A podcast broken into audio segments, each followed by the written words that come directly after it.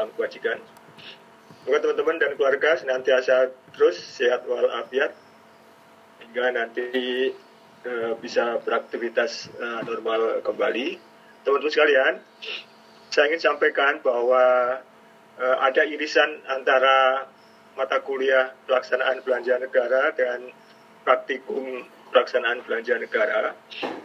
Nah, di pelaksanaan belanja negara ada uh, pembayaran akhir tahun yang menyangkut ini, menyangkut langkah-langkah akhir tahun juga.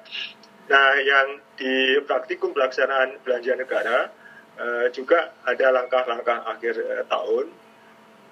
Kita akan lebih fokus kepada yang agak teknis di ininya di di praktikum pelaksanaan belanja dan nanti di akhir ada uh, semacam uh, hal yang baru uh, perkiraan pencairan dana harian kalian pelajari. Dan uh, untuk langkah-langkah akhir tahun nanti uh, kita coba lebih analisis ya. Nanti uh, untuk UAS-nya lebih analisis materi-materi yang lain uh, juga uh, lebih bervariasi antara antara uh, analisis dan uh, praktek. Ya. Kita akan mulai uh, dengan Berdirjen ini ya peraturan Direktur Jenderal Perbendaharaan tentang langkah-langkah akhir tahun. Teman-teman sekalian, kenapa perlu ada peraturan khusus eh, tentang langkah-langkah akhir tahun? Karena tahun anggaran itu dibatasi oleh waktu. 1 Januari sampai 31 Desember. Nah, setelah uh, 31 Desember transaksi-transaksi pada tahun uh, anggaran berjalan uh, harus stop ya harus stop ya.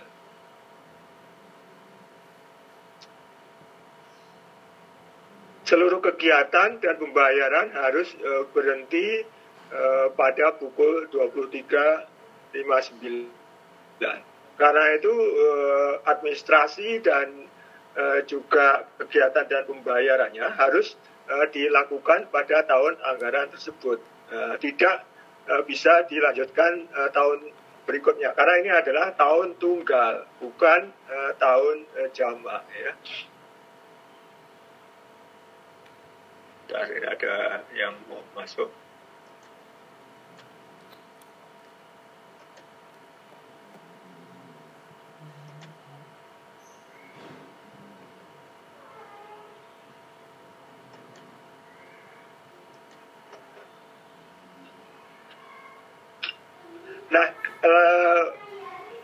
Hal yang menjadi dasar kenapa perlu peraturan khusus uh, terkait dengan akhir tahun anggaran uh, juga ini teman-teman sekalian bahwa uh, kegiatan uh, pembangunan kegiatan uh, proyek uh, kegiatan uh, yang terkait dengan pengadaan barang dan jasa pada akhir tahun itu ada kemungkinan uh, belum mencapai 100% uh, persen ya. Misalnya uh, membangun uh, gedung ya, membangun uh, gedung. Pada akhir tahun itu baru selesai 90 uh, persen. Nah, bagaimana nanti uh, proses pembayarannya? Nah, itu nanti di, diatur di langkah-langkah uh, akhir uh, tahun ya. Juga langkah-langkah akhir tahun ini uh, berfungsi untuk mempercepat penyelesaian ini pekerjaan dan uh, kegiatan. Jangan uh, sampai menumpuk di akhir-akhir waktu. Akhir-akhir Desember, kalau akhir semuanya 23 25 ribu satker uh, melakukan tagihan di bulan uh, Desember akhir, maka nanti uh, KPPN akan uh, dan servernya akan down. Bukan hanya mesinnya yang down, tapi petugas-petugas dan yang melayani di KPPN juga bisa down nanti. Karena itu harus diatur teman-teman sekalian. Nah ini su sudah menjadi uh, kebiasaan tahunan bahwa Menteri Keuangan sebagai Chief Financial Officer dalam hal ini nanti yang uh, bertanggung jawab untuk uh, mengeksekusi adalah Direktorat Jenderal Perbendaraan. Ya, Direktorat Jenderal Perbendaraan melalui KPPN KPPN di daerah dan kandil-kandil di daerah untuk menjalankan peraturan tentang langkah-langkah akhir tahun anggaran. Nah ini dituangkan dalam peraturan Menteri Keuangan, kemudian detail teknisnya eh, diatur eh, dalam peraturan Direktur Jenderal Perbendaraan. Ada beberapa tujuan untuk eh, tercapainya kesuksesan eh, akhir tahun anggaran ini. Yang pertama adalah uh, supaya pencairan dana di bulan November dan Desember yang merupakan bulan-bulan krusial dan uh, di akhir tahun itu akurat ya uh, sesuai dengan uh, rencana pencairan dananya ya. Uh, sehingga nanti uh, Direkturat Jenderal Perbendaraan uh, mampu memperkirakan kebutuhan dananya pada akhir tahun anggaran. Ya. Kemudian ini ya, di akhir tahun anggaran pasti ada peningkatan pengajuan SPM untuk diterbitkan SP2D. Nah, supaya uh, tidak menumpuk ini kontrak-kontrak yang uh, dilakukan perjanjian di ini di awal-awal ini nanti harus uh, dibatasi waktu pencairan uh, dananya. Jangan dibiarkan semua uh, menumpuk di uh, akhir uh, tahun.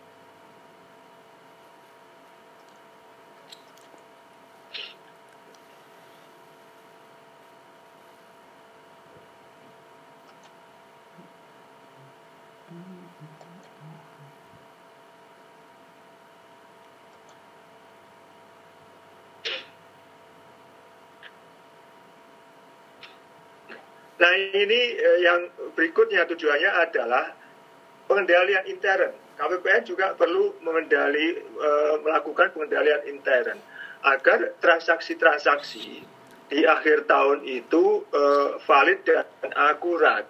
Ya, jangan sampai karena ini karena transaksi yang begitu banyak, kemudian KPPN kedodoran sehingga eh, mekanisme pengendalian belanjanya itu menjadi longgar. Nah, kalau longgar nanti e, negara bisa e, kebobolan ini ya e, dananya ini di apa itu di apa di e, palsu SPM-nya e, di e, palsu ini penerima e, apa itu bukti penerimaan negaranya seperti itu. Nah, e, dengan adanya ini dengan adanya pengaturan e, langkah-langkah akhir tahun ini ini lebih ini lebih uh, ketat uh, dalam melakukan pengendalian karena uh, eh, KPPN punya ruang waktu untuk melakukan pengendalian ya pengendalian.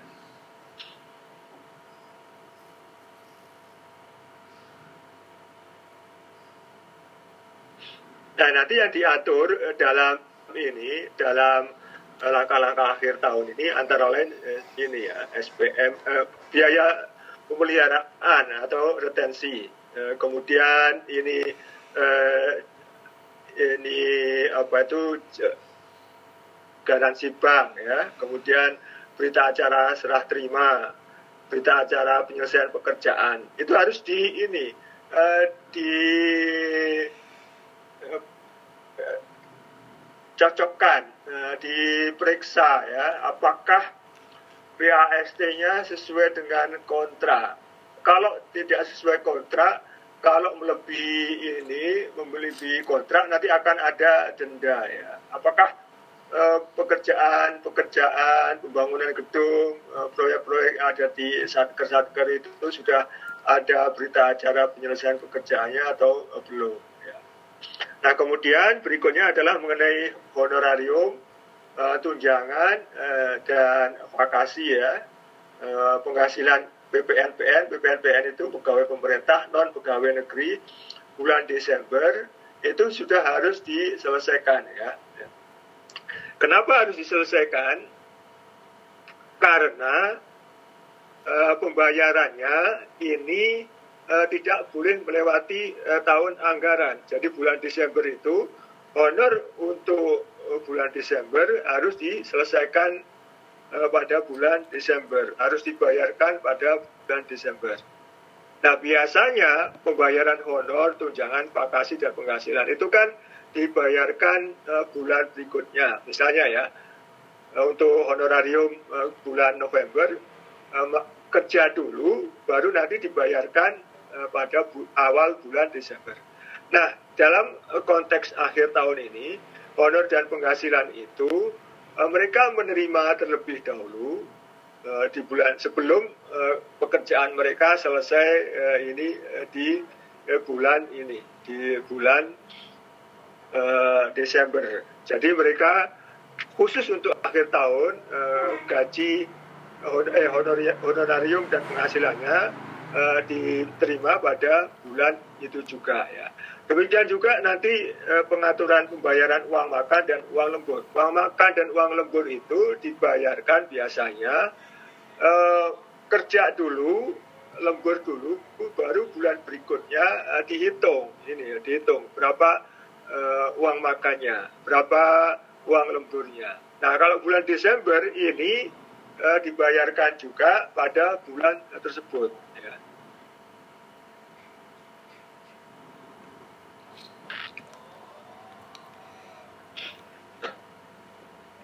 Nah, selain pengeluaran Eh, KPPN eh, juga eh, mengurusi penerimaan negara ya, penerimaan negara. Ini merupakan hal yang krusial, terutama penerimaan negara yang terjadi pada tanggal 18 Desember sampai 31 Desember ya. Antara jam 3 sore sampai ini sampai dengan ini jam 3 sore kemarin sampai dengan jam 8 hari ini ya. Karena ini nanti tanggal eh, 31 Desembernya ini, tanggal 31 Desember.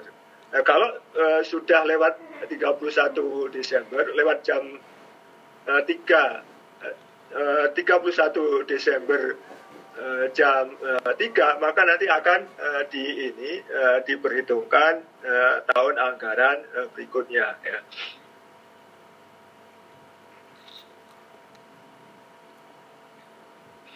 Nah ini eh, teman-teman sekalian, perhatikan di sini penerimaan tanggal 31 Desember 2019 setelah pukul 15 sampai sampai dengan ini eh, pukul 24 dibukukan eh, pada hari itu juga ya, dibukukan tanggal 31 Desember ya. Nah, pelimpahannya ke ini eh, pembukuannya tanggal 31 Desember ya karena eh, ininya eh, kegiatan atau transaksinya terjadi pada hari itu. Nah, di, da, dari ini eh, setelah masuk ke ini se, setelah masuk ke eh, kas negara maka ini jam eh, 17.30 ini dilimpahkan ke eh, sub rekening kas umum negara ya. Dan untuk yang ini, uh, untuk yang yang uh, tanggal ini, uh, tanggal 31 Desember dari jam 3 sampai jam 20 jam 12 malam, ini pelimpahan ke sub erkunnya adalah tanggal 2 Januari tahun 2020 eh, jam 8 eh, karena eh, tanggal satunya adalah hari libur ya hari libur. Ya. Nah ini kalau yang ini penerimaan dari tanggal 18 sampai dengan 31 Desember jam 3 ya, jam 3. Ini jam 3 ya. Jam 3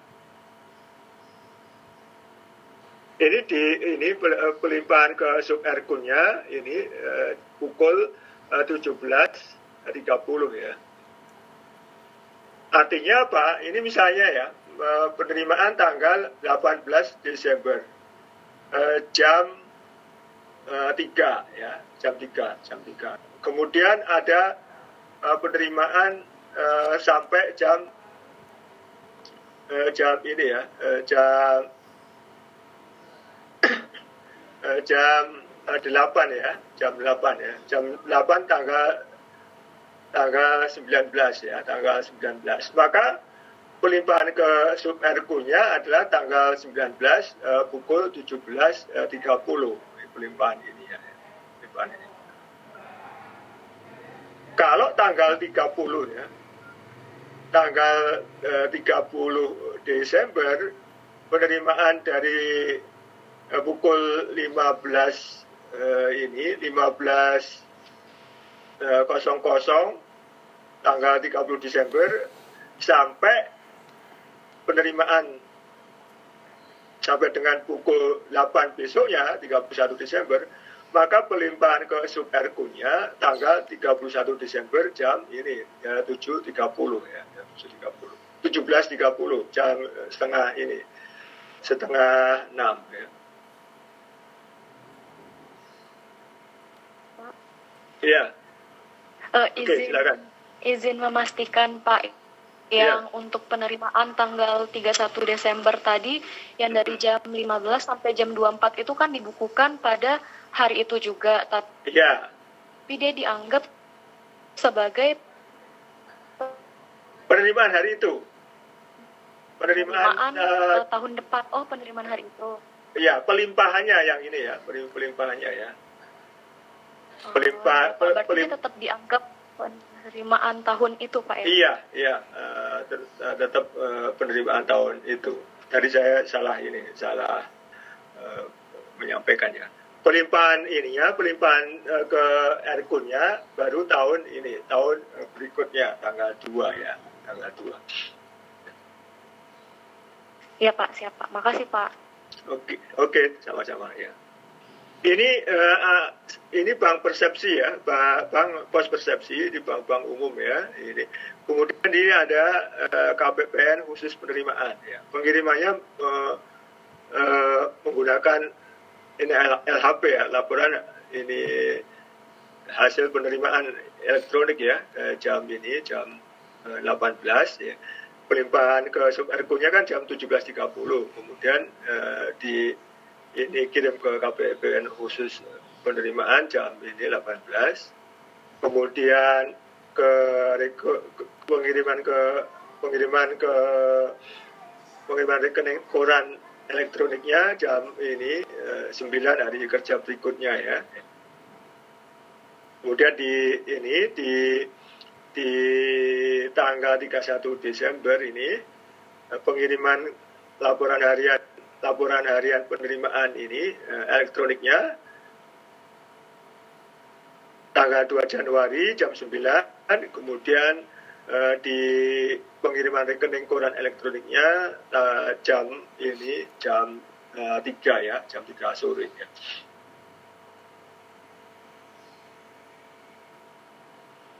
Jadi ini urusannya dengan KPPN khusus penerimaan ya teman-teman sekalian.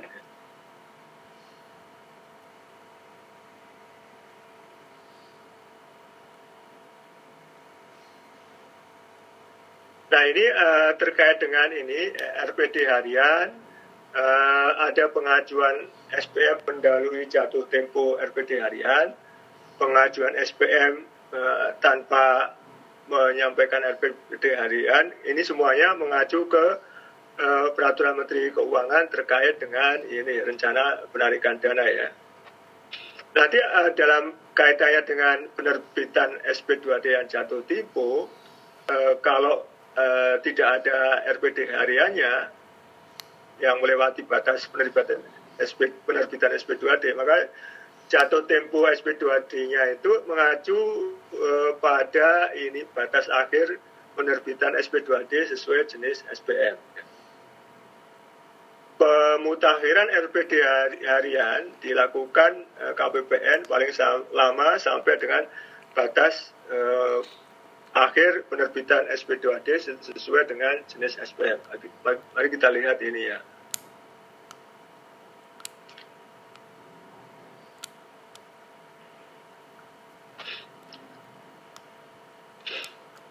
Nah ini setiap ini ya, setiap satker yang uh, terkait dengan yang harus melakukan ini uh, perkiraan pencairan dana harian, ini harus uh, ini uh, menyampaikan ini uh, ini perkiraan pencairan dana harian untuk pengeluaran bulan November dan Desember ya. Nah ini perkiraan pencairan dana harian ini meliputi belanja pegawai ya karena e, harus dihitung kebutuhan belanja pegawainya e, belanja barang belanja modal belanja bantuan sosial dan e, UP TUP nah ini yang yang yang banyak ya. Belanja pegawai belanja barang belanja modal belanja bantuan sosial dan UP TUP nah perkiraan pencairan dana harian ini e, menggunakan aplikasi Sakti ya. SPM yang disampaikan setelah pukul uh, setengah tiga akan menjadi realisasi uh, perkiraan pencairan dana harian uh, berikutnya. Akan diproses uh, atau diterbitkan menjadi SP2D pada hari berikutnya. Jadi SPM itu pada prinsipnya menerima ini, menerima SPM sampai dengan pukul setengah tiga, ya. Kalau lewat setengah tiga nanti akan diterbitkan SP2D hari berikutnya.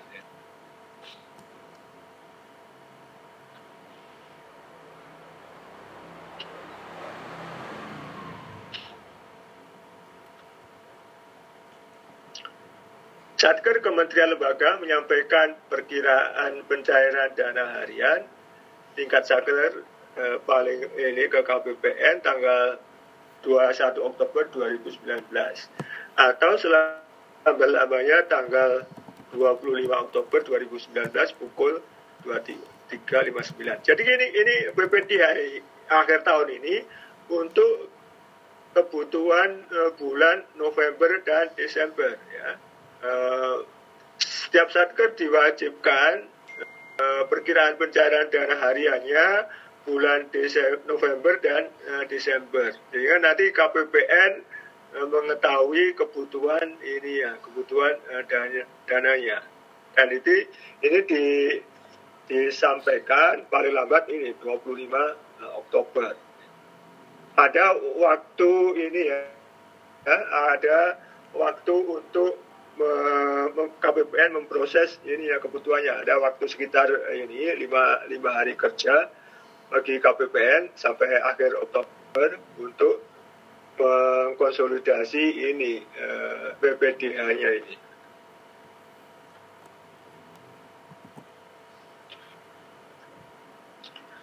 Nah, di samping ini eh, perkiraan pencairan dana harian, satker-satker yang ini yang terkait dengan rencana penarikan dana eh, RPD harian ini harus juga menyampaikan RPD harian.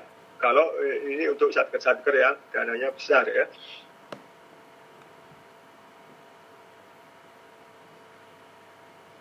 Berita acara serah terima atau berita acara ini uh, penyelesaian pekerjaan atas pekerjaan kontraktual yang ditandatangani pada hari Minggu ya itu untuk untuk uh, BAPP dan BAST yang ditandatangani hari Minggu ya.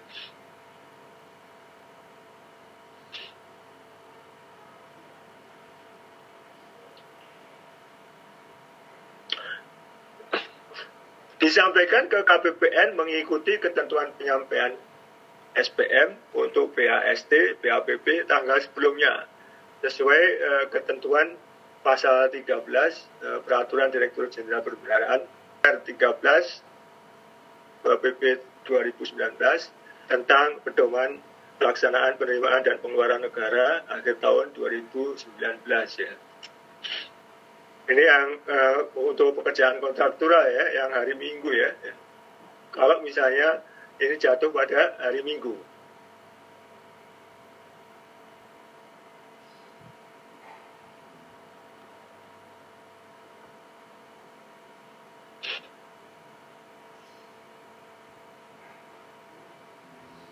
Nah ini teman-teman sekalian eh, perlu di ini perkiraan pencairan dananya ini eh, BPDH-nya ini pembayaran honorarium uh, tunjangan vakasi dan penghasilan PPNPN bulan Desember ketentuannya sebagai berikut.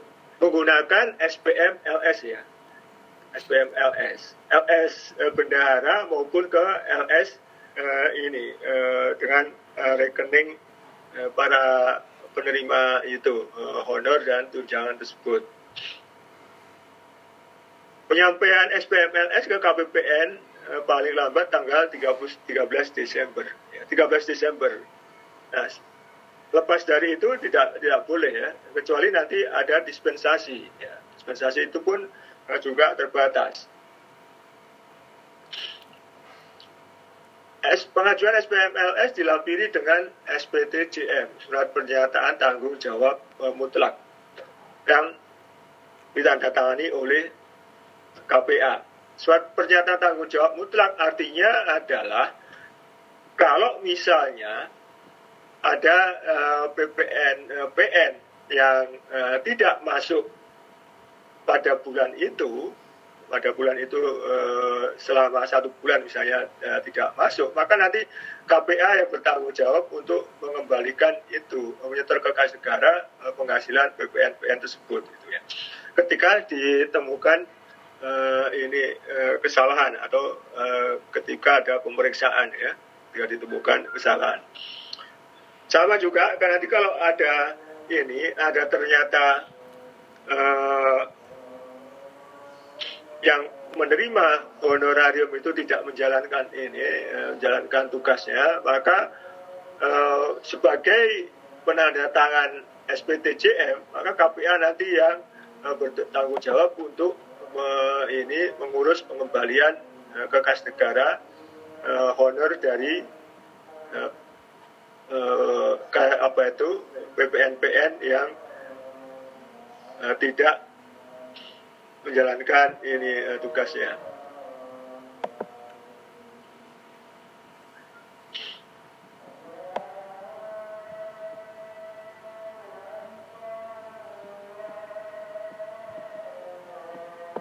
Nah, untuk yang ini, untuk yang uh, ya, penghasilan BPN induk bulan Desember, artinya yang yang uh, penghasilan BPN PN yang diterima awal bulan Desember ininya SPM-nya uh, sama dengan uh, SPM BPN PN induk. Artinya di ini uh, di diproses uh, bulan ini, bulan ini, bulan uh, November ya, bulan November. Nah untuk yang ini, uh, yang uh, Desember, yang seharusnya diterima tanggal 1 Januari, maka SPM LS-nya ini menggunakan ini 13 Desember 2019.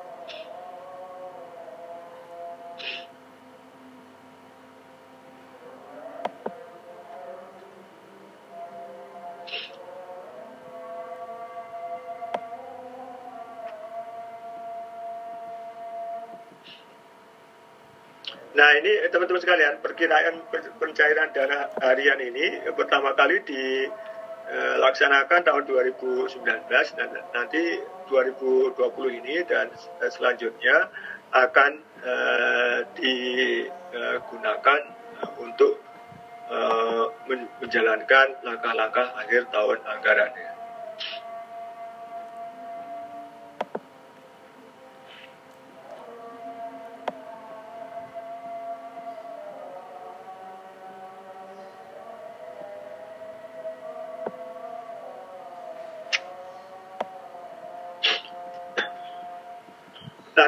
Kita masuk ke ini ya, uh, data kontrak ya. Data kontrak ini penting karena kontrak itu kan bisa berlangsung uh, sepanjang tahun ya. Bahkan di bulan uh, ini September pun kadang-kadang masih ada kontrak ya September Oktober yang kontrak yang yang eh, jangka pendek ya. Nah, kontrak yang kontrak ini ya misalnya ini dalam uh, ilustrasi ini kontrak pembangunan gedung ya atau pembangunan eh, ini pembangunan eh, ruangan atau eh, pengadaan barang dan eh, jasa yang eh, besar yang ditandatangani sampai dengan 30 November diajukan ke KPPN paling lambat eh, Desember ya Desember.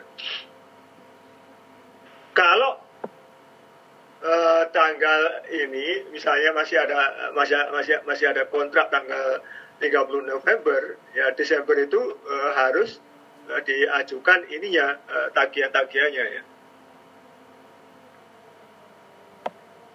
KPPN menerbitkan nomor register kontrak NRK paling lambat 5 Desember 2019. Jadi lima hari uh, setelah ini, setelah Statker melakukan kontrak, kemudian didaftarkan ke uh, uh, ini langsung didaftarkan ke KPPN. KPPN nanti menerbitkan uh, nomor register uh, kontrak uh, paling lambat tanggal 5 Desember ya. Ini untuk Eh, kontrak-kontrak yang terakhir ditandatangani 30 November 2019. Ya. KPPN menerbitkan nomor register kontrak, artinya apa? Ketika KPPN sudah menerbitkan uh, nomor register kontrak, negara sudah mencadangkan dana untuk membayar uh, kontrak tersebut ya. Kalau tidak didaftarkan, itu nanti uh, artinya uh, negara belum mencadangkan dan itu uh, nanti akan ditolak KPP, KPPN kalau tidak ada nomor register kontrak ya. Nah kalau ada perubahan-perubahan ya, perubahan-perubahan ini masih bisa dilakukan perubahan paling lambat tanggal 6 Desember. Kemudian uh, setelah diajukan ini perubahan atau adendum kontrak paling paling akhir 6 Desember KPPN menyetujui perubahan itu paling lambat 10 Desember. Jadi lima lima hari uh, ini kerja ini ya. Nah perhatikan teman-teman sekalian ini LP SPM ini ya, perhatikan ini, kita bisa menganalisis ini. SPM LS yang berita acara serah terima dan berita acara penyelesaian pekerjaan. Ini artinya apa? Gedung dan bangunan atau uh, proyek atau kegiatan itu sudah diserahkan ke satker ya. Sudah diserahkan ke Satker tanggal 30 Desember 2019.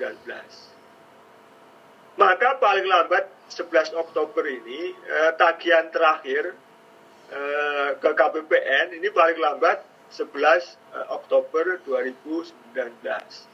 Jadi kita akan menganut selesaikan dulu ininya eh, proyek atau kegiatannya, baru nanti kekurangannya ditagih ke ke, ke KPPN, tagihan ke KPPN. Nah, paling lambat 11 Oktober. Kalau menag, eh, Satker menagihkan ke KPPN lewat 11 Oktober, nanti akan ditolak oleh KPPN. Nah, kalau ada dispensasi, maka nanti eh, harus mengajukan ke Kanwil atau ke kantor pusat Dijen Perbendaraan. Dan itu tentu akan makan waktu ya. Kemudian ini ya, kalau eh, berita acara serah terima pekerjaan uh, berita acara penyelesaian uh, pekerjaan yang dilakukan antara uh, tanggal 1 sampai 12 Oktober ini paling lambat uh, diajukan penagihannya ke KPPN ini tanggal 25 Oktober 2019. Ini misalnya tinggal ini ya, tinggal termin terakhir ya, termin misalnya termin ketiga gitu ya. Nah termin ketiga itu eh, pekerjaannya sudah sudah selesai, tapi eh, termin ketiga belum dibayarkan. Nah pengajuan ke KPPN ini maksimal tanggal 25 Oktober.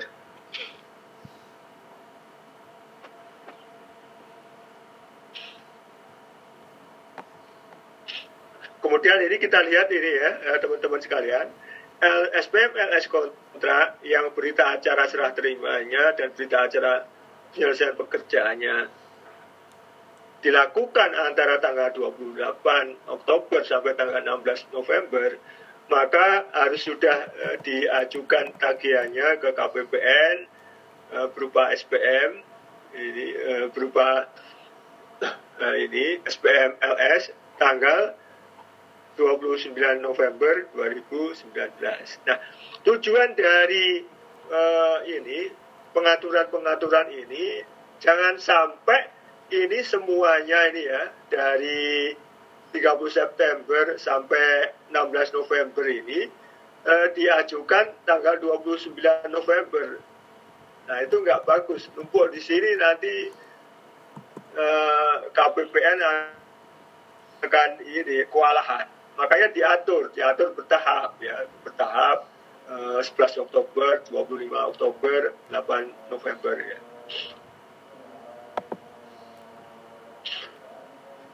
Kemudian ini teman-teman sekalian ya oke okay, silakan. Yang ini pak kan itu kayak uh, di tanggal pengajuan eh ya dia di tanggal pengajuan kontraknya itu kan ada yang kayak 1 sampai 12 terus 14 sampai 26 nah yang ya. tanggal 13 kayak gitu. It, itu anu penyel, penyelesaian pekerjaannya. Jadi pekerjaannya sudah selesai, sudah selesai uh, diserahkan ya, sudah diserahkan ke ini, sudah diserahkan ke satker, tapi kan uh, pihak ketiganya belum dibayar di termin terakhirnya. Oh iya Pak. Pak. Uh, uh, pertanyaannya gimana? Yang tanggal ya, ya kayak gitu Pak. Berarti hmm. kayak yang untuk tanggal 27 Oktober berarti itu uh, maksimal penyelesaian pekerjaannya itu kan ya Pak? Mm-hmm, yeah, terus ya. tanggal yeah. terus uh, apa uh, maksimal pembayarannya itu tanggal 29 Pak?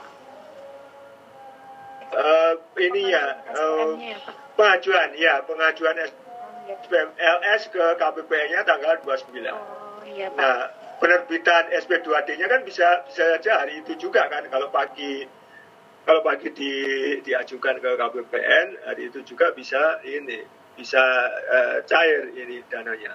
Ya, ya Pak, makasih ya. Pak.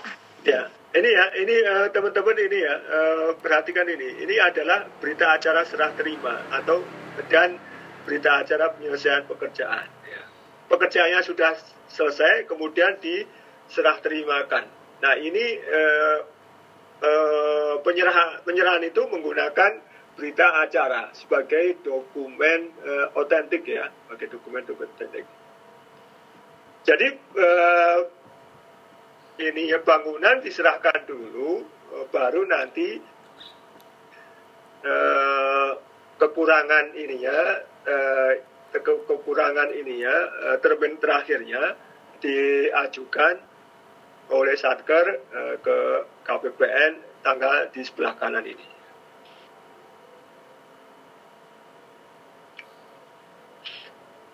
Kemudian kalau ini ada perubahan perubahan kontrak sampai dengan tanggal 30 November, ini eh, pengajuan pengajuan adendum perubahan perubahannya ini sampai eh, tanggal 6 Desember ya. ya. Jadi kalau kontrak eh, yang dilakukan ini 30 ini 30 November, ini kalau mau diajukan ini uh, perubahan kontrak ini bisa dilakukan uh, sampai tanggal 6 Desember. Setelah tanggal 6 Desember tidak bisa lagi ya, dilakukan adendum uh, kontrak. Ya.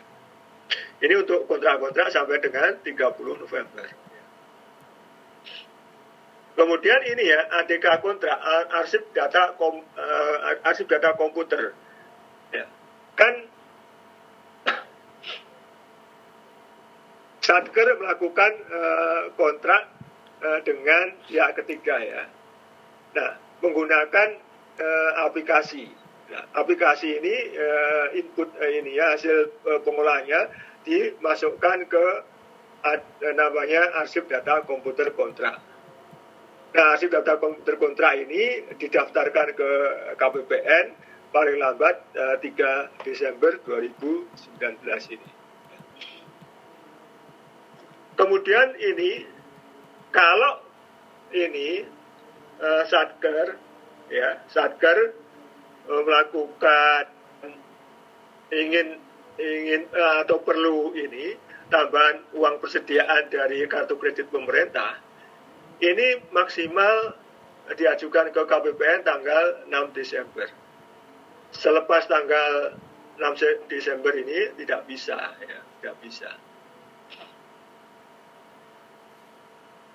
Nah ini harus dibatasi teman-teman sekalian uh, karena uh, pertanggungjawaban ini, pertanggungjawaban TUP itu kan satu bulan ya, satu bulan ya, satu bulan.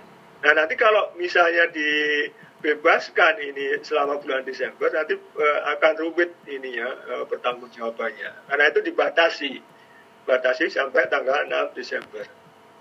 Sama juga ini SPM UP, eh, SPM TUP dan GUP isi eh, atau revolving ini ya maksimal tanggal 6 Desember.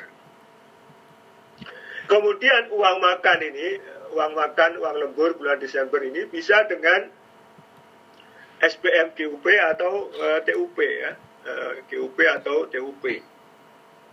Minta ini, minta uang dulu, baru nanti kalau eh, ada sisa sisa ini ya uh, sisa UP-nya nanti akhir akhir ini akhir tahun disetor ke kas negara. Ya, jadi bisa uh, untuk uang makan dan lembur ini bisa menggunakan mekanisme UP di awal bulan Desember ya. Jadi diperkirakan dulu kebutuhan untuk uang makan dan uang lembur itu selama bulan Desember berapa ya itu nanti menggunakan UP eh, dengan menggunakan TUP ya eh, menggunakan TUP tambahan uang uang persediaan dan nanti eh, di di akhir ini di akhir Desember dihitung apakah ini ada sisa atau uh, tidak kalau ada sisa nanti disetor ke kas negara.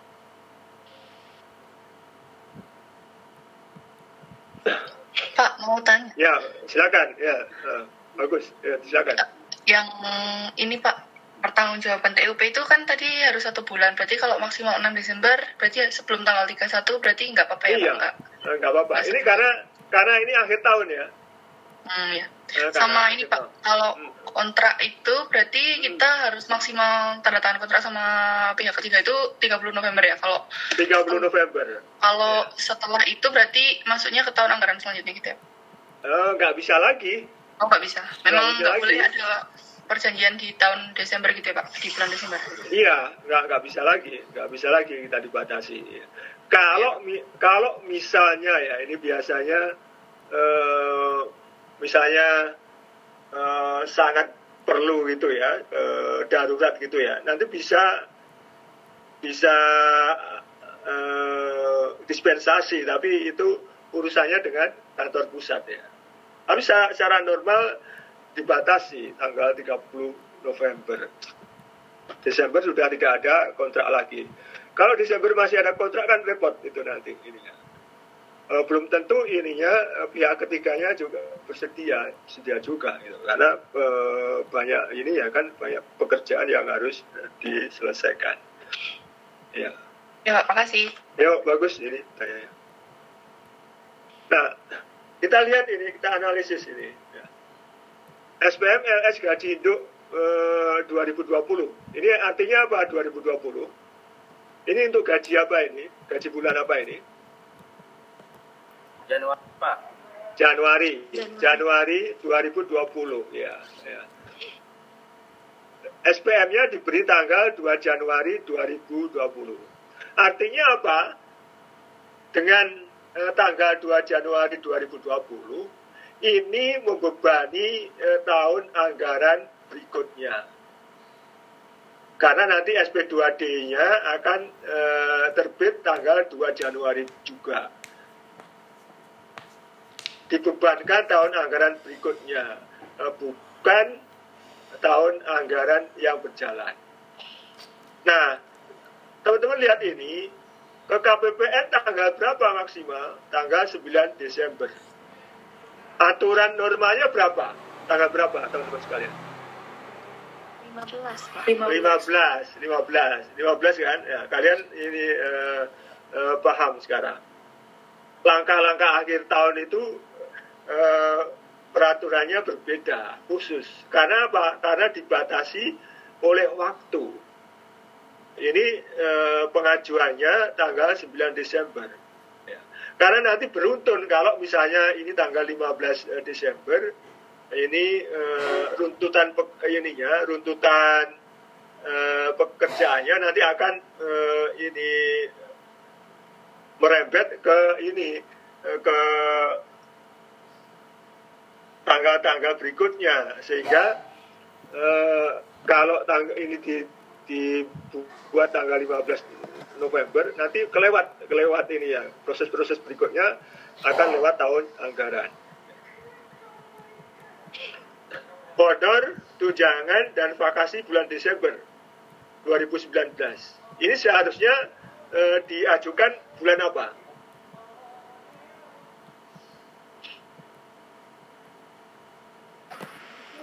Januari Pak Januari ya, Januari 2019 harusnya. Tapi karena ini honor tunjangan dan vakasi uh, uh, ini tahun anggaran 2019 khusus bulan Desember uh, diajukan pada bulan yang bersangkutan. Kenapa? Karena ini nanti akan membebani tahun anggaran 2019. Kalau diajukan ini e, lewat e, tanggal 31 Desember nanti akan membebani tahun anggaran berikutnya dan itu e, bisa menjadi temuan karena e, kegiatannya di bulan Desember tapi dibebankan di e, bulan Januari 2020 sama juga ini PPNPN bulan Desember 2019 pengajuannya adalah 13 Desember 2019 SPM LS kontrak kontraktual ya. Ini tanggal 18 sampai dengan ini 30 November ini tanggal 13 uh, Desember ini terakhir ini ya ini uh, kontraktualnya nih ya. Tanggal 13 Desember. Nah, pertanyaannya bagaimana kalau misalnya masih ada masih ada kegiatan uh, setelah tanggal 13 Desember ya. Setelah tanggal 13 Desember itu uh, ada kegiatan, ada kegiatan yang harus dibiayai. Maka dilakukan ini, teman-teman sekalian, SPM LS non kontraktual menggunakan non kontraktual ya non kontraktual karena apa karena e, batasnya adalah tanggal 16 e, Desember ya. kemudian ini e, penggunaan kartu kredit pemerintah ini juga batas maksimalnya adalah tanggal 30, 13 Desember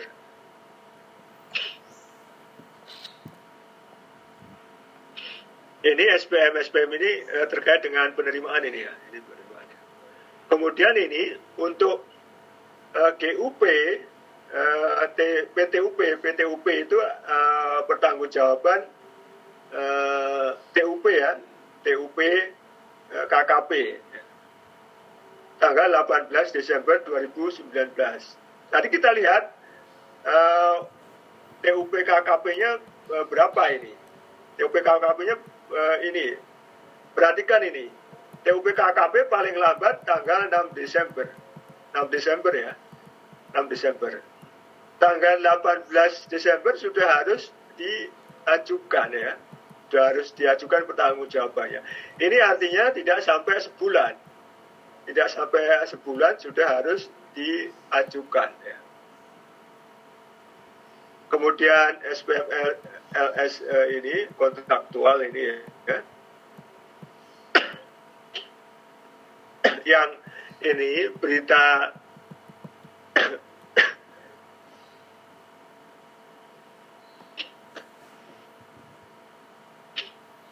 berita acara serah terima pekerjaan penyelesaian pekerjaannya bisa sampai 31 Desember teman-teman sekalian. Ini sampai tinggal 31 Desember. Ini harus diajukan ke KPPN tanggal 20. Ya, ini pertanyaan saya, ya.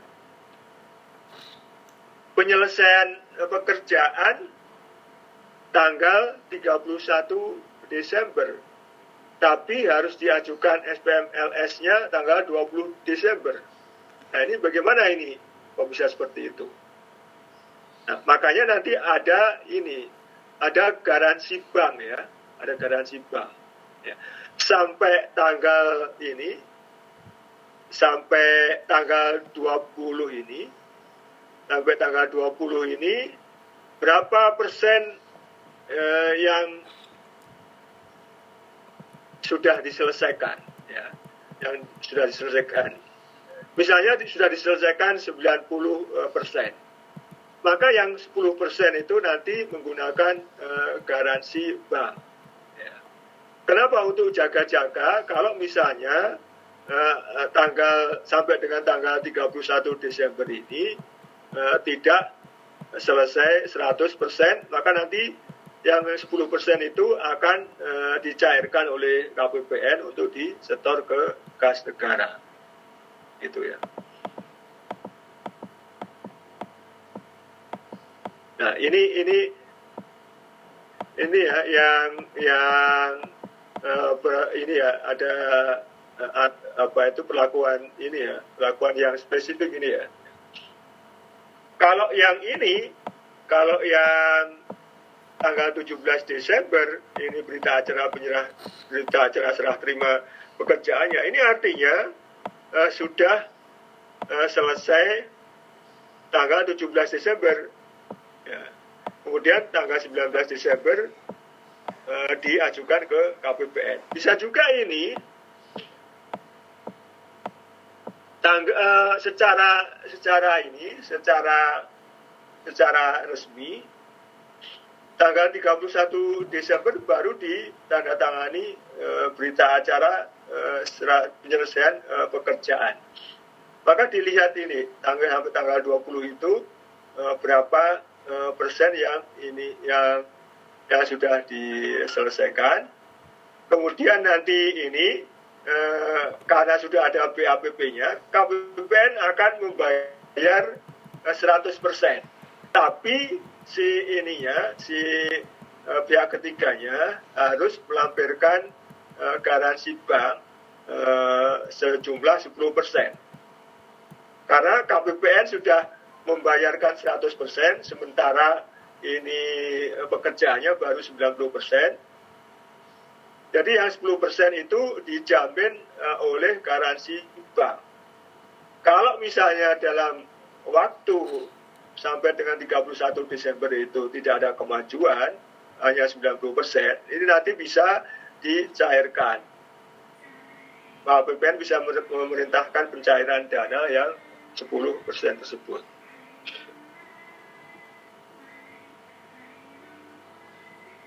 Uh, Pak mau tanya Pak. Ya, oke okay, silakan. Oke okay, silakan yang SPM halo? LS kontrak tuh. Iya, halo kedengeran? Iya. Ah. Udah kedengeran. Ya. Yang hmm, yang SPM LS kontraktual tanggal 18 sampai 31 Desember itu kan eh, apa batas pengajuan SM-nya 20 Desember itu. Nah, itu berarti walaupun yeah. apa pekerjaannya itu belum selesai yang kayak tadi dicontohin itu uh, pengajuan yeah. SPM-nya itu tetap full ya Pak 100% dan sisanya itu yeah, tetap digaransikan gitu Pak. Iya, iya, garansi Pak gitu. Oh, berarti tetap full uh, SPM-nya ya Pak? Iya, karena kan sudah ada ini berita acara uh, penyelesaian pekerjaan ya. Karena uh, su uh, sudah ada uh, ber, uh, ini berita acara penyelesaian pekerjaan. Berita acara penyelesaian pekerjaan, berita acara serah terima itu artinya ini uh, sudah uh, di serah terimakan ini ya, sudah, sudah ada serah terima gitu ya sudah ada serah terima sudah ada serah terima tetapi ya. eh, tetap tetap tetapi ternyata penyelesaiannya kan masih ini masih apa itu masih 90 persen gitu. sehingga nanti ada harus ada garansi bank ya makasih pak oke okay. Kalau besarnya garansi bank itu sebesar yang kekurangannya itu Pak atau Iya, iya, iya. Oh, pasti, pasti ya Pak. Iya. Garansi bank sampai dan nanti ini apa itu eh, garansi bank dan eh, retensi atau biaya pemeliharaan ya. 5% ya. 5%. Ya. 5%. Karena uh, kan ini sudah ada BAPP-nya. Berarti kan harus ada uh, jaminan pemeliharaannya atau lima uh, atau retensinya. Sehingga uh, selain ini bank garansi juga ini uh, jaminan pemeliharaan lima persen. Oh ya Pak. Sama yang, mau tanya yang ini. Ya oke okay, silakan. SPMLS non kontraktual itu berarti hmm. kan tadi yang kontraktual maksimal 13 Desember ya, ya kan. Ya. Terus hmm. ada ada kelonggaran tiga hari gitu ya Pak maksudnya buat kalau misal ada kegiatan selama tiga hari itu. Iya, masih hmm. bisa masih bisa melaksanakan kegiatan kegiatan uh, ini uh, dengan ini ya dengan pihak ketiga tapi tidak hmm. menggunakan kontrak ya tidak menggunakan kontrak langsung ini aja ini Berarti aja gitu. setelah 16-nya nggak boleh sama sekali pak? Setelah setelah 16 nggak boleh, nggak boleh, nggak boleh ada. Kasih pak. Oke. Okay.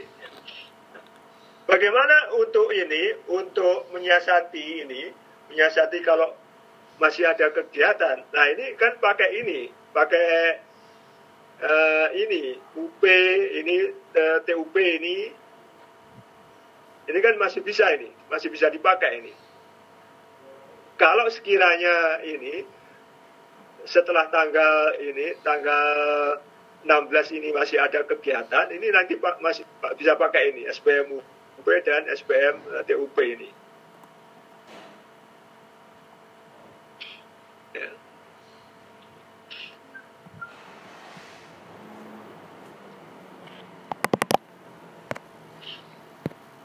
Nah, kenapa itu? Uh, kenapa uh, menggunakan ini uh, untuk membiayai kegiatan pakai SPM TUP ini? Karena ini teman-teman sekalian, ini sisa UP TUP di setor tanggal 31 Desember. Ya, 31 Desember. Jadi setelah tanggal 16 ini masih bisa melakukan kegiatan atau pembayaran dan menggunakan ini uh, UP dan TUP Eh, karena apa? Karena pertanggungjawaban atau penyetoran sisa UP dan TUP ini sampai dengan 31 Desember 2019. Ya. Sama seperti ini ya, sama seperti ini untuk um, mana tadi ya, uang ini, uang makan, uang lembur, ini kan menggunakan ini uh, eh, TUP ya, TUP. Kalau masih ada sisa, nanti bisa uh, di ini dipertanggungjawabkan di ini di uh, tanggal 31 Desember 2019. Nah ini ini uh, bagian dari analisis ya. Uh, kalian bisa uh, mengkaitkan antara aturan normalnya dengan aturan akhir tahun. Ya. Ini kalau ada SPM pengembalian Jadi, Pak, ya oke okay, silakan. Oke. Okay? Uh, jadi kalau uh, walaupun yang kontraktual tadi itu di awalnya dia pakai mekanisme LS hmm. tapi bisa pakai kalau, UP ini. Kalau kontraktual kan uh, ini, kontraktual kan harus LS. Oh, yang tadi yang dimaksud dia bisa pakai pembayaran GUP kayak gitu tuh nah, yang mana ya Pak? Yang ini, ini ya. Uh, kalau kan non kontraktual kan batasnya kan tanggal 16 Desember ya 16 Desember. LS LS non kontraktual kan tanggal 16 Desember. Nah setelah 16 Desember kan nggak nggak nggak bisa pakai LS lagi kalau misalnya masih ada kegiatan ya. 16. 16 ya. Setelah tanggal 16 kan sudah tidak bisa pakai LS. Set, karena tidak bisa pakai LS maka pakai UP aja ini. Oh. Uh, uh, kalau untuk membiayai membiayai kegiatan uh, ini setelah tanggal 16 pakai ini uh, eh, TUP-nya digedein. TUP-nya digedein. Ya, uh, ya. TUP-nya digedein. Ini siap-siap ya. Tapi juga ini harus waspada ini satkernya ini. Uh, jangan jangan sampai lupa ini uh, pengajuan TUP-nya ini tanggal 6 Desember. Desember. Oh iya ya, Pak. Iya. Padahal nah, setelah tanggal 16 itu masih ada kegiatan. Bisa aja kan, akhir tahun ada kegiatan. Nah, kegiatan itu misalnya ini rakor atau rapat mengundang satker atau uh, kegiatan yang yang terkait dengan tupoksi itu kan butuh biaya juga dan tidak bisa di LS kan lagi uh, setelah tanggal 16. Solusinya apa? Ini di awal-awal uh, TUP-nya uh, dibesarin. Ya. Berarti Pak, hmm. kalau dia nggak sempat nggak sempat mengajukan di tanggal 6 Desember itu, uh -uh. Uh, dia terus uh, sementara masih ada pelaksanaan kegiatan setelah tanggal 16 itu berarti udah apa ya, nah, ya? ini ini ya uh, kontrak ini bikin ini bikin non kontraktual aja sebelum tanggal 16 Oh, ya. jaga-jaga gitu Iya, iya. Sebelum tanggal 16 bikin kontraktual, kontraktual, non kontraktual, non kontraktual. Pakai ini. Ya. Iya, Pak. Uh, oh ya, Pak. Jadi oh, ini teman-teman ini teman-teman sekalian gunanya aturan itu seperti itu supaya kita uh, disiplin anggaran uh, dan uh, disiplin tapi uh, fungsinya adalah juga memberi alternatif-alternatif kepada satuan kerja. Disiplin yang tidak uh, membebani gitu ya. Masih ada alternatif-alternatif. Tapi secara ini, secara umum, anggaran negara itu harus disiplin.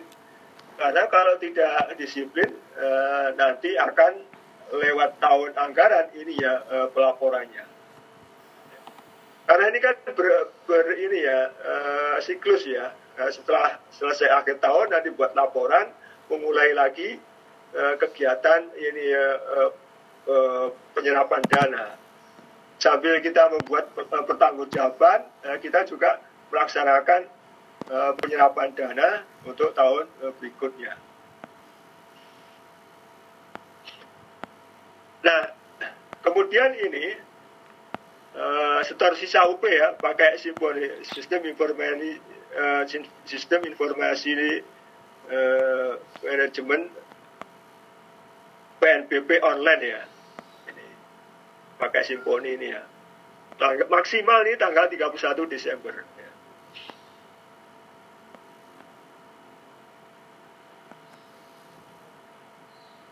ini pertanggungjawaban TUP-nya ini ya, pertanggungjawaban TUP-nya dan GUP nihil ini eh, SPM-nya ini dikasih tanggal 31 Desember. Kenapa ini bisa sampai tanggal 6 Januari? Karena akhir tahun Satker itu sibuk. Jadi yang untuk pertanggungjawaban dan GUP nihil itu diberi dispensasi penyampaian SPM-nya ke KPPN eh, tanggal 8 eh, Januari. Nah ini bagian uh, dari analisis ya bahwa kita uh, melihat uh, melihat tanggal-tanggal seperti ini ini ada latar belakang atau ada filosofinya ya penyampaian ke KPPN tanggal 8 Januari kalau begitu apa tidak lewat uh, ini apa tidak menjadi beban tahun tahun anggaran yang uh, baru? Tidak. Karena apa? Karena SPM-nya ditanggali 31 Desember tahun 2019 nanti terbit ininya uh, ini ya terbit SP2D-nya juga tanggal ini 31 uh, Desember 2019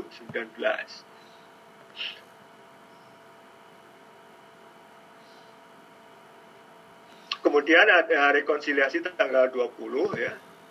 LPG Bendahara bulan Desember 2019 tanggal 20 Januari. Nah ini LPG ini normalnya tanggal berapa? Tanggal 10.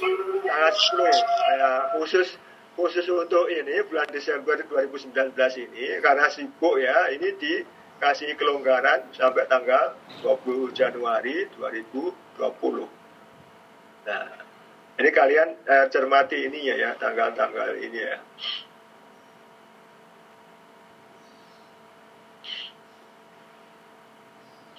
Kemudian laporan keuangan ini ya, eh, laporan keuangan Satker, laporan keuangan tingkat UAPA, unit akuntansi kuasa pengguna anggaran, ke wilayah dan ke KPPN itu biasa tanggal berapa ini?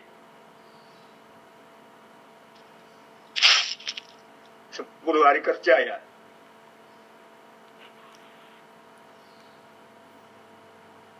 Sepuluh hari kerja kalau nggak salah ini. Ini, ini coba kalian cek nanti. Ya, ini kalau nggak salah 10 hari kerja nih laporan keuangan ini. Kalau nggak tanggal 10, tanggal 10 ya. Ada yang ingat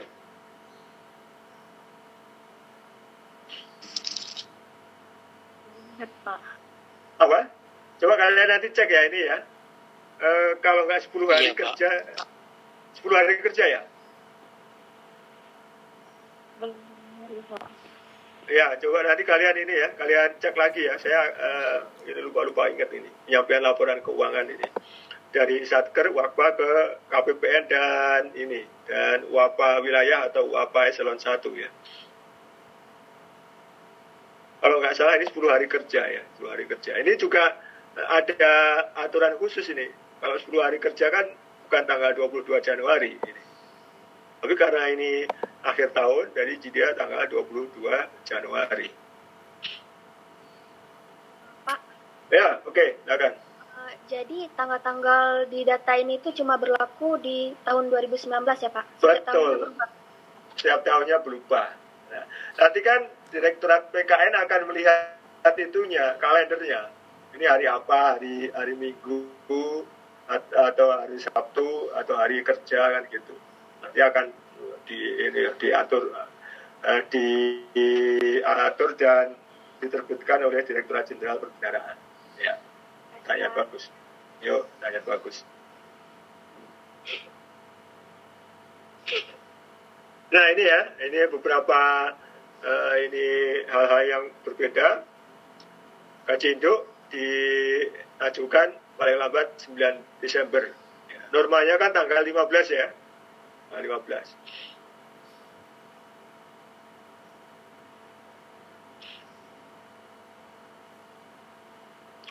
SPM LS gaji induk diberi tanggal 2 Januari. Ya, Januari ya. Jadi nanti satker ini ya, satker ini ini uh, perlu analisis juga ini. Satker nanti memberi SPMLS gaji induknya tanggal 2 Januari, meskipun itu diserahkan ke KPPN paling lambat uh, tanggal 9 Desember 2019. Kenapa seperti itu? Karena gaji uh, induk bulan Januari ini merupakan beban tahun anggaran 2020 bukan beban tahun anggaran 2019 sehingga nanti kalau SPMLS-nya ini e, terbit atau disampaikan tanggal 2 Januari SP2D LS gaji induknya nanti akan terbit e, tanggal e, 2 Januari juga. Ya, itu ya. Ini analisanya seperti itu Maaf Pak. Oke, silakan. Masih kurang paham yang hmm. ini, yang pembayaran gaji, induk Pak. Nah. Ya, Pak. Gaji induk bulan Januari, gaji itu kan eh, kita kerja dulu, kerja satu bulan, nanti baru dibayar bulan berikutnya. Kalau eh, gaji yang diterima bulan ini, bulan eh, Agustus ini, Pengajuannya oleh Satker kapan? 15 Juli, Pak. 15. 15 Juli kan? Ya, Pak. 15 Juli, 15 Juli. Nah, itu diajukan uh, bulan sebelumnya. Kalau Januari, gaji Januari tahun 2020 itu pengajuan oleh Satker normalnya kapan? Maksimal. 15 Januari, 15 Desember. 15 Desember. Ya, tapi karena ini akhir tahun, direktur uh, supaya tidak ini, supaya tidak mengganggu uh, proses keseluruhan, dimajukan. Bukan tanggal 15 Desember, tapi tanggal 9 uh, eh, Desember. Ya. Oke ya, paham ya sampai di sini ya? Paham Pak.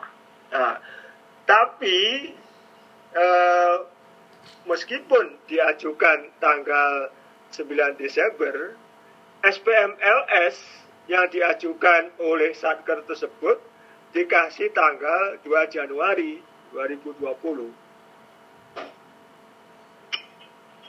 Berarti Kenapa? Pak, yang diajukan uh, tanggal 9 Desember itu apanya gitu ya Pak? SPM-nya, SPM dokumen. Dokumen ini, dokumen LS gaji itu yang bertanggal 2 Januari 2020 ini. Iya Pak. Ya. Terus yang tanggal 2-nya gitu Pak? Lagi uh, gitu. Apanya? Yang tanggal 2-nya. Uh, tanggal itu, 2-nya? Itu uangnya nggak sih? Uang gajinya? Uang gajinya nanti, uh, gajinya nanti uh, ter, uh, ini akan cair tanggal 2 Januari juga. Oh, iya. Iya. Dokumennya disampaikan ke KPPN tanggal 9 Desember. Dokumen SPM LS itu bertanggal 2 Januari 2020. Nah, penerbitan SP2D itu kan cuma satu hari.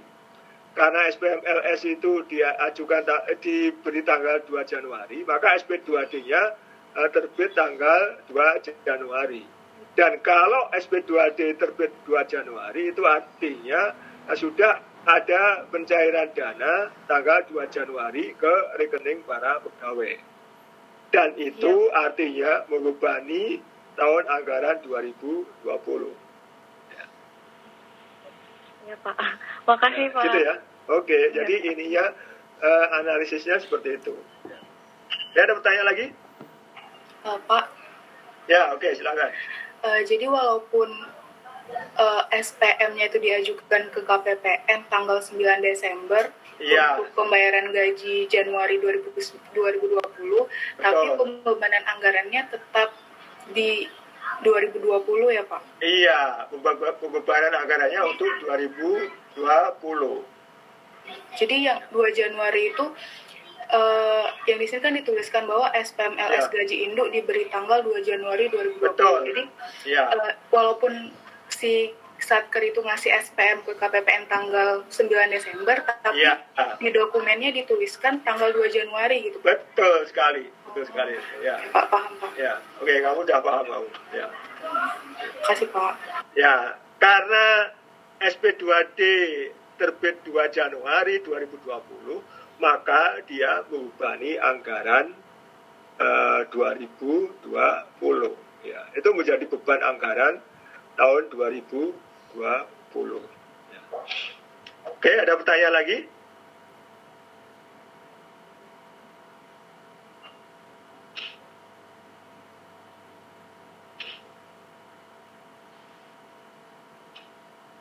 Ini kan untuk ya ini untuk uh, honorarium tunjangan vakasi ini ya. Ini pengajuan uh, SPMLS uh, diterima KPPN paling lambat ini ya tanggal 13 Desember uh, ini 13 Desember 2019 pada jam uh, kerja ya. Penerbitan SP2D-nya paling lambat uh, tanggal 27 Desember 2019 ya. Ini kan uh, meskipun diajukan ini di ditanggali ini tanggal 13 Desember ini ya. Uh, tapi ininya penerbitannya tanggal 27 Desember.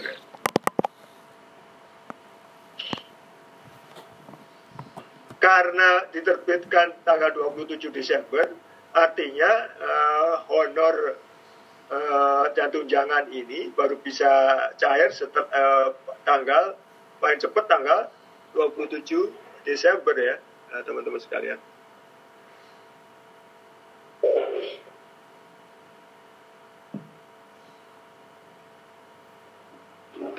Kalian nanti ada ada kuliah lagi nggak? Ada pak. Jam berapa? Ada pak. 13.20. Oh 13.20 ya. Iya pak. Uh, saya harus isi ini.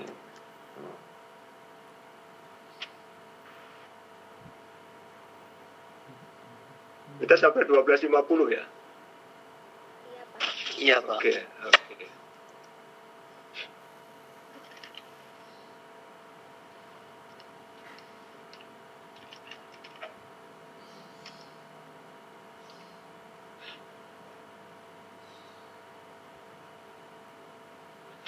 Oke ya. Ini syaratnya ini uh, tidak melampaui pagu. Oke.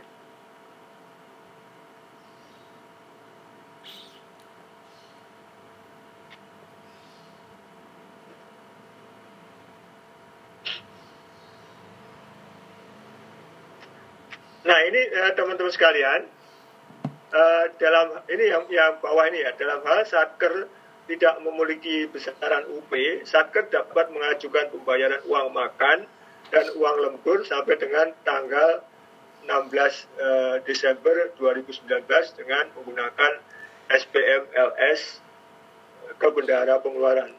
Uang makan dan uang lembur tanggal 17 sampai tanggal 31 Desember 2019 dibayarkan menggunakan uh, beban DIPA 2020. Nah ini pengaturan khusus ya, pengaturan khusus ya.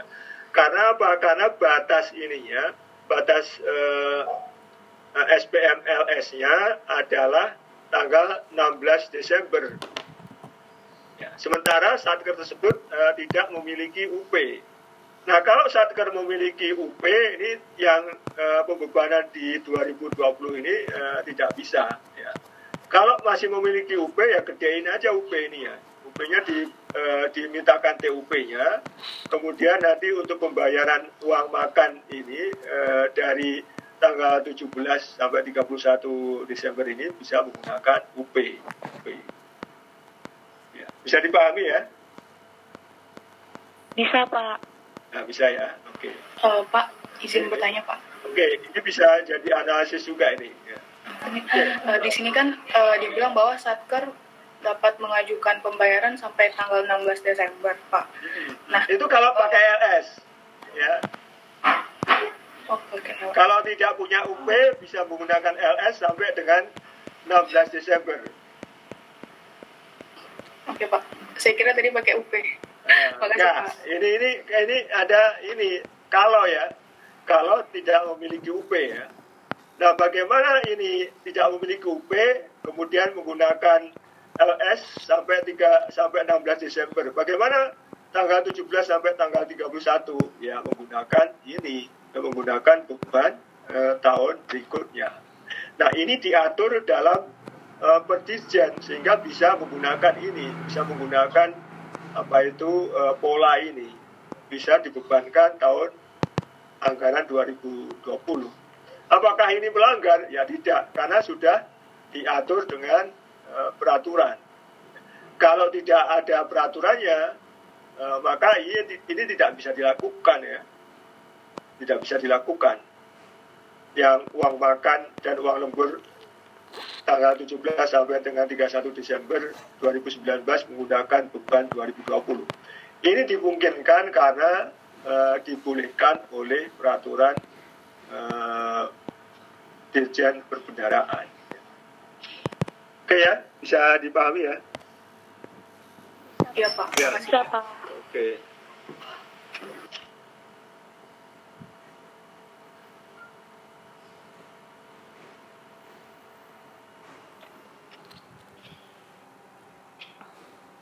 Dalam hal Satker tidak memiliki bendahara pengeluaran, Satker dapat mengajukan pembayaran uang makan dan uang lembur sampai dengan eh, tanggal 16 Desember 2019 dengan menggunakan SPM LS kepada penerima. Ya ini tidak ada bendahara pengeluarannya ya, langsung kepada eh, penerima.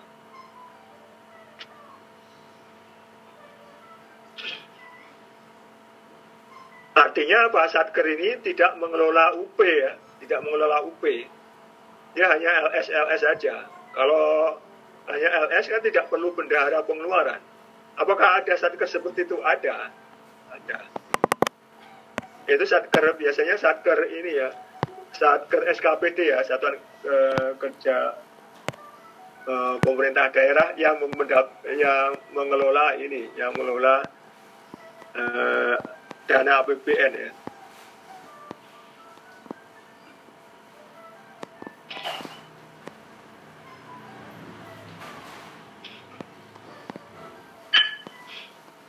Uang makan dan uang lembur tanggal 17 sampai dengan 31 Desember 2019 dibayarkan menggunakan DIPA tahun 2020. Pertanyaan saya, kenapa ini yang tidak uh, punya uh, bendahara pengeluaran ini bisa menggunakan uh, mengubarkan tahun 2020.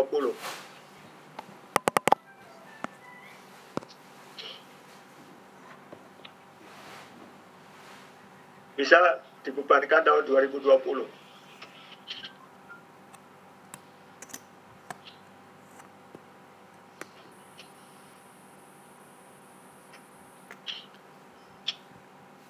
karena nggak punya UP tadi itu ya Pak berarti? Nah, iya betul betul betul sekali karena tidak punya UP dan tidak tidak punya bendahara.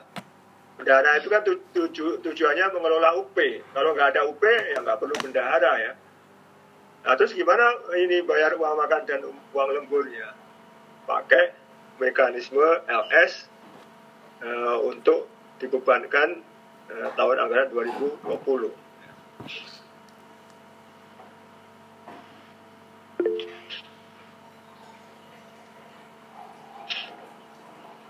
Ini uh, pembayaran biaya pemeliharaan atau retensi itu 5% ya. Pekerjaan harus sudah selesai uh, eh, 100% ya. Ini lampiran-lampirannya.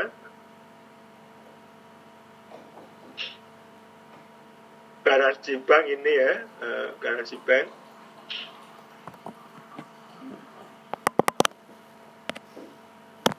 Ada surat uh, perjanjian pembayaran ya, ada asli jaminan garansi bank, pernyataan dari BPK, asli surat kuasa, ya.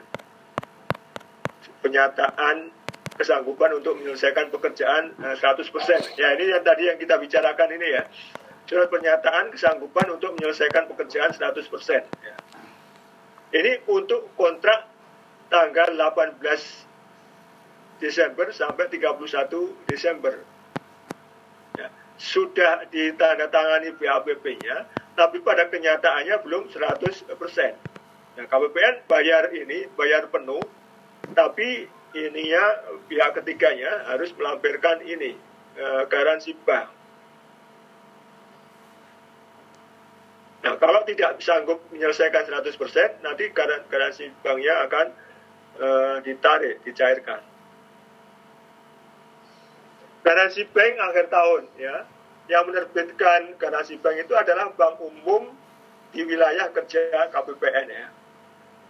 Bank umum e, bisa swasta bisa e, BUMN wilayah kerja KPPN artinya kalau KPPN e, Tangerang bank umum itu bisa di Tangerang Selatan bisa di kota Tangerang atau bisa juga di Kabupaten e, Tangerang ya nilai jaminan minimal sama dengan nilai pekerjaan yang belum diselesaikan. Ya. Boleh eh, eh, lebih boleh, ya. tapi minimal sama ya. Masa jaminan minimal sampai dengan batas akhir penyelesaian kontrak ya. Penyelesaian kontraknya eh, tanggal 31 Desember ya, minimal ya. Jadi kalau sampai 31 Desember itu batas, batas akhirnya minimal 31 Desember maksimal ya ini eh, dan maksimal eh, ya lebih dari 31 Desember gitu. Artinya apa? Nanti KPPN eh, leluasa untuk mencairkan ini, mencairkan eh, dana eh, kalau pihak ketiganya ingkar janji. Nah, kalau kontrak-kontrak tanpa garansi bank boleh asal di bawah 50 juta.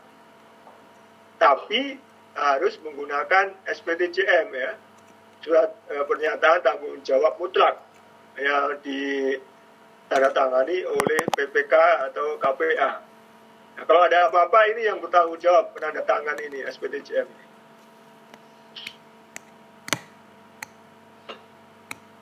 Sebentar ya teman-teman. Saya isi ini dulu ya isi portal dulu ya.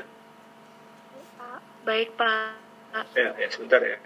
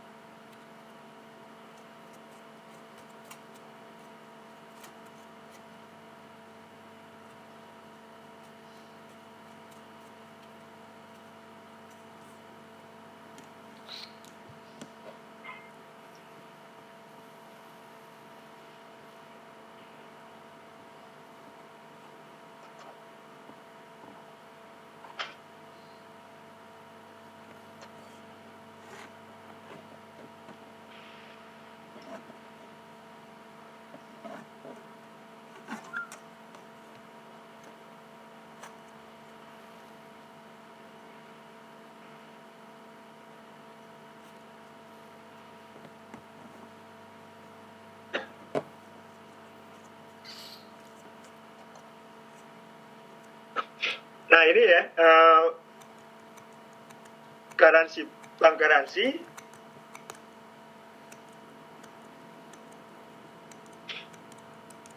Diterbitkan uh, oleh ini oleh uh, pihak ketiga. Nanti yang minta adalah uh, satker yang punya proyek atau uh, kegiatan ya. Pekerjaannya harus sudah selesai 100% ya kemudian 100% eh, itu ada eh, ini eh, jaminan pemeliharaan atau retensi 5% ya. Nah, ini retensi retensi 5% ini, jaminan pemeliharaan ini artinya apa? Kalau dalam masa pemeliharaan misalnya 6 bulan itu ternyata ada kerusakan dan pihak ketiga tidak mau bertanggung jawab, maka ini nanti akan uh, di uh, klaim oleh KPPN uh, untuk dicairkan, kemudian disetor ke kas negara ya.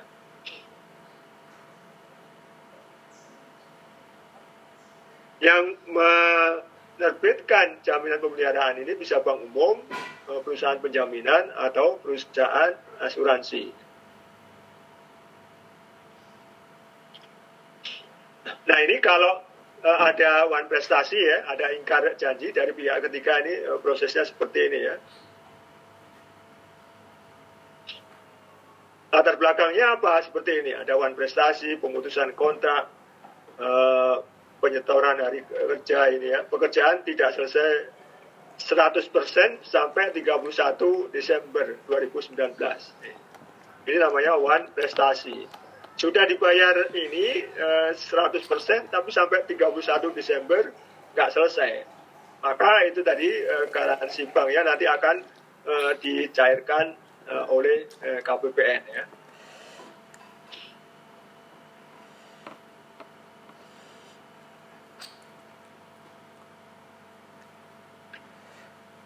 Nah, ini khusus untuk ini ya, khusus untuk pekerjaan yang tidak selesai pada akhir tahun, tapi diteruskan ke tahun anggaran berikutnya, kalian bisa periksa di sini ya, di PMK 194 2014 dan PMK 243 tahun 2015.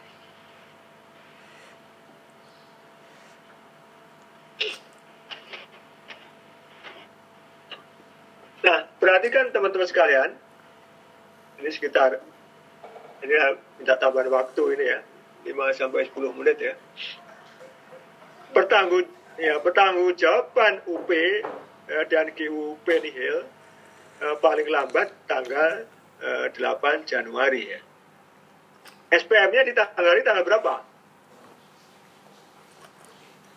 SPM PTUP-nya ditanggali tanggal berapa? Dan SPM GUP nihilnya ditanggali tanggal berapa? 31 Desember. Betul, 31 Desember ya, 31 Desember. Ini adalah pengajuan ke KPPN sampai dengan tanggal 8 Januari untuk atau dengan mempertimbangkan ke, kesibukan satker sehingga dikasih kesempatan sampai dengan 8 Januari. Ya. Kalau sampai dengan tanggal 8 Januari 2020 itu uh, tidak mengajukan SPM PTUP itu artinya apa? Ada sisa UP yang belum dipertanggungjawabkan. Masih ada uh, sisa UP di uh, bendahara uh, pengeluaran.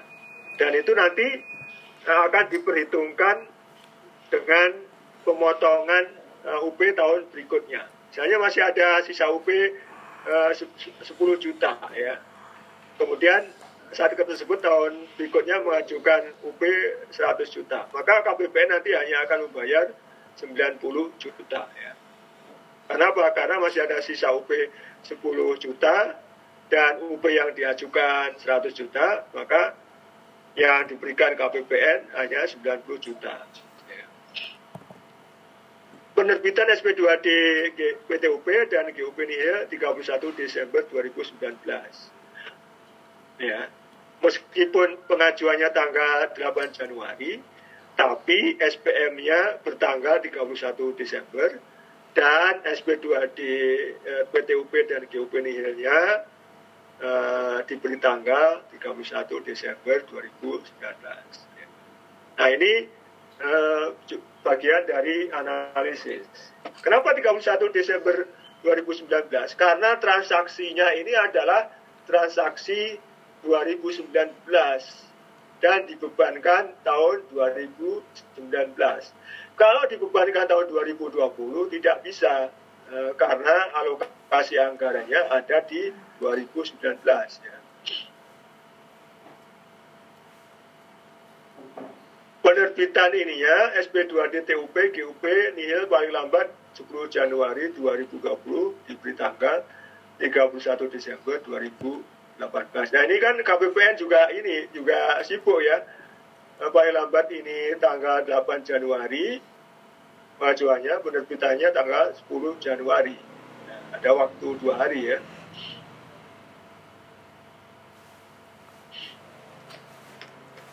sisa UP ini disetorkan ya, ya pertama ada sisa UP, ada pengeluaran ya eh, ke kas negara, ada bukti store, ada salinan bukti store.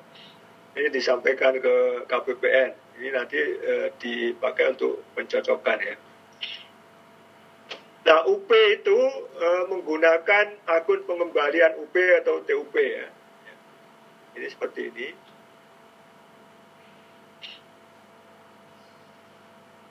akun-akunnya seperti ini ya.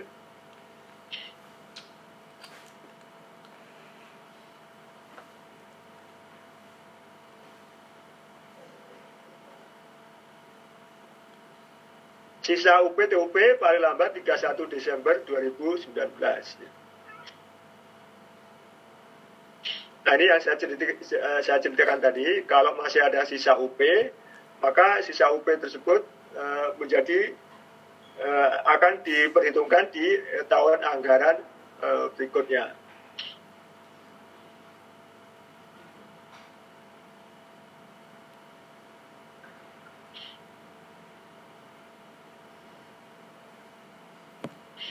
Ini ada uh, kasus khusus ini teman-teman sekalian.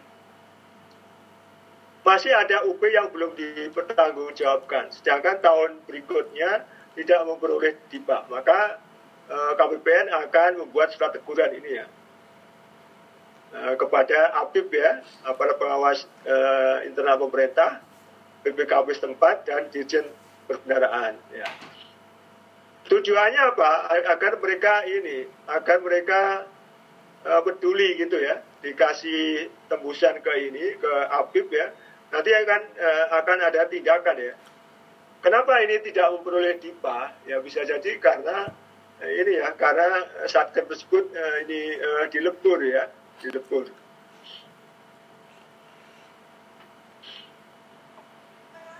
biasanya UP yang belum dipertanggungjawabkan itu karena ini ya ada ada beberapa sebab ya terlambat dipertanggungjawabkan itu. Ada atau ada indikasi ini uh, uh, penyelewengan itu ya.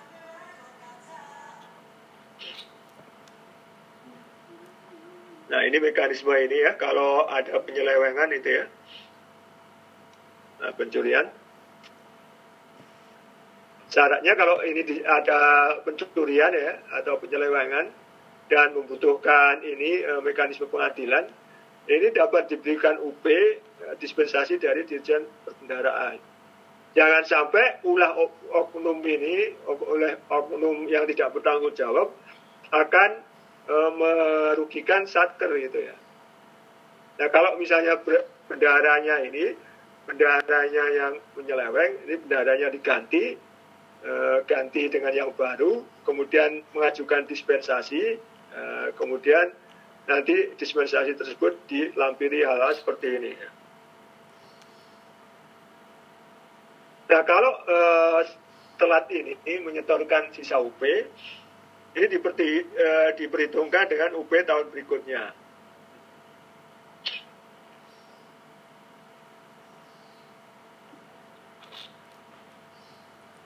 Satker merawisi DIPA tahun anggaran 20 untuk menampung bukti pengeluaran UPTUP tahun anggaran 2020 dan mencantumkan dalam halaman 4 DIPA. Ya.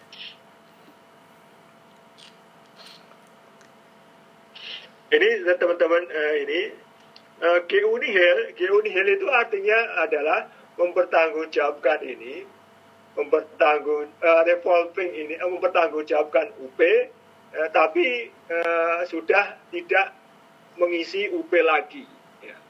Kenapa uh, sudah tidak mengisi lagi? Karena sudah tidak membutuhkan lagi. Karena sudah akhir uh, tahun ya, sudah akhir uh, tahun. Ya, sehingga namanya nihil ya, nihil, uh, nol, uh, tidak masuk lagi ke rekening uh, ben, uh, ini bendahara pengeluaran. Nah, sudah sampai uh, itu itu namanya pertanggungjawaban ya, pertanggungjawaban. Nihil.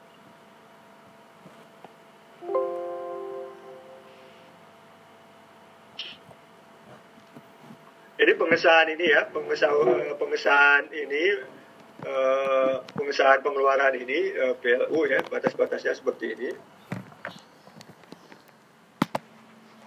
Ini terkait dengan rekonsiliasi dan pelaporan teman-teman sekalian. Coba kalian nanti bandingkan ya, ini ya, bandingkan batas akhirnya di akhir eh, ini untuk langkah-langkah akhir tahun itu seperti ini. Tanggal 20 Januari, 24, eh, 13, eh, dan seterusnya.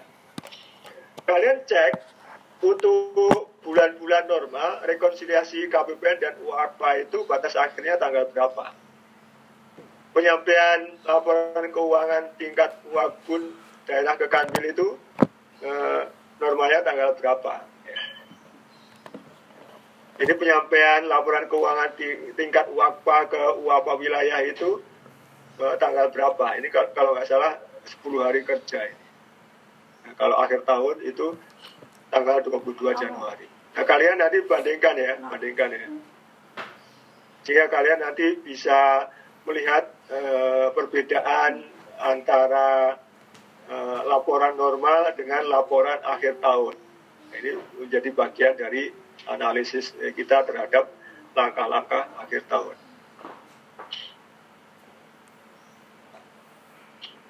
Ya ini ya kalian uh, cari informasi ini ya. Kalian nanti buat ini buat uh, tabelnya. Nggak usah dikumpulkan uh, cukup kalian untuk ini aja ya uh, cukup kalian sebagai uh, bahan untuk ini untuk UAS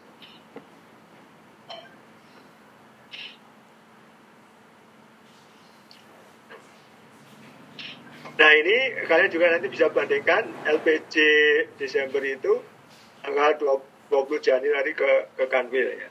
Ini kalau kalau untuk yang normal eh, tanggal berapa? Tanggal tanggal 15 ya kalau nggak salah ini. Ke Kanwil tanggal 15 ke ini ke KPPN tanggal eh, 10 10 Januari. 10 tiap bulannya ya.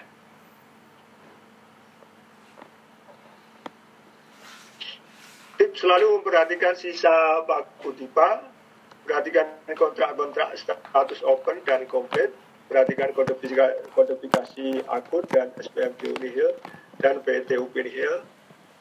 Perhatikan ya ini akun dan kodifikasi ini uh, perlu ya uh, karena nanti kalau uh, salah akun nanti bisa uh, ini repot ini nanti ya memperhatikan sisa paku dipa ya ini karena akhir-akhir tahun ya. Akhir-akhir tahun sisa paku dipa harus diperhatikan. Jangan sampai nanti lebih kelebihan atau sisa banyak ya. Kontrak-kontrak dengan status open. Ini artinya uh, masih ini uh, belum ada ini ya uh, berita acara serah terima dan berita acara uh, penyelesaian pekerjaan. Ini harus segera di uh, di tidak lanjuti ya Perhatikan tanggal setor dan akun setoran sisa UP. Ya, tanggal setor maksimal 31 Desember. Akunnya juga eh, jangan sampai salah ya. Akun untuk menyetor sisa UP itu eh, harus eh, sesuai dengan bahkan akun standar ya. Nah, nanti kalau eh, eh, keliru eh, nanti dianggap eh, belum menyetor ini sisa UP ya. Selesaikan semua retur SP2D. Retur SP2D itu artinya SP2D yang masih tertahan. Tertahan. Dana belum bisa cair ke pihak ketiga. Nah, itu bisa macam-macam ini ya sebabnya. Bisa jadi nomor rekeningnya salah, nomor atau namanya salah, sehingga bank uh, tidak uh, bisa mengeksekusi untuk mentransfer dananya. Nah, ini harus segera diselesaikan. Ya uh, ini kesalahan nomor harus diperbaiki, kesalahan nama harus diperbaiki, nanti diproses lagi. Nah, teman-teman sekalian, ini ada uh, penyusunan PPDH. Nanti kalian bisa uh, menggunakan artikel yang saya kirim ke ini, PIC mata kuliah untuk ini mempelajari ini ya PPDH ini ya. Nah ini eh, teman-teman sekalian akhir dari kuliah ter, uh, ke-14 ini nanti untuk yang langkah-langkah akhir tahun uh, akan lebih uh, banyak analisis ya. Uh, coba kita gabungkan uh, ini analisis ya, analisis supaya kalian terbiasa dengan analisis. Masih ada pertanyaan teman-teman sekalian?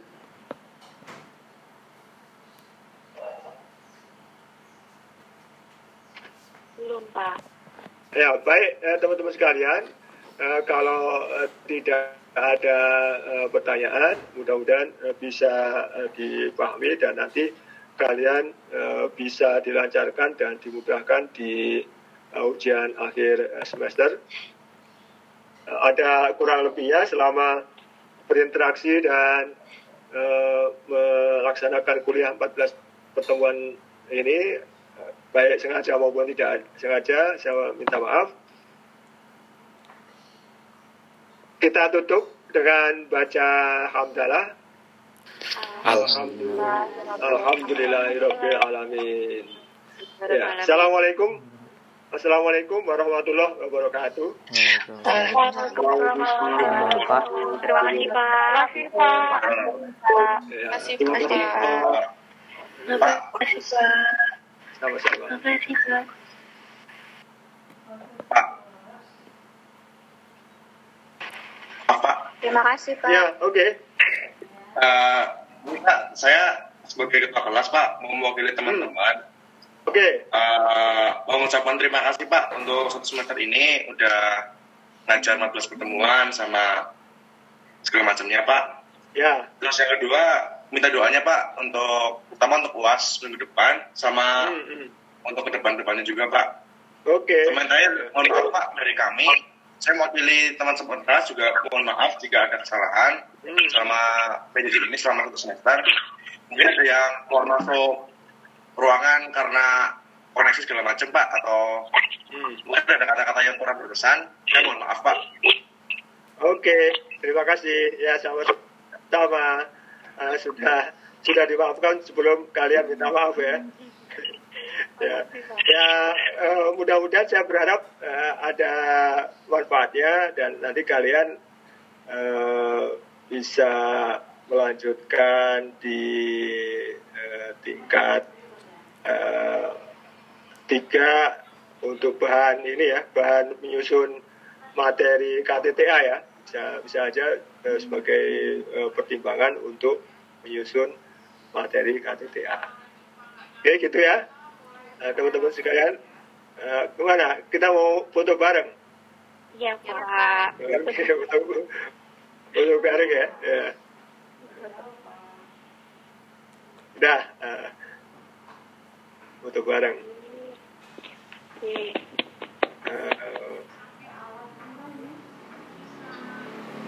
ya, satu, dua, tiga.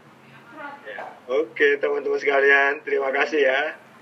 Ya selamat, ya sama-sama selamat kuliah lagi. Kalian jam setengah dua ada kuliah lagi ya?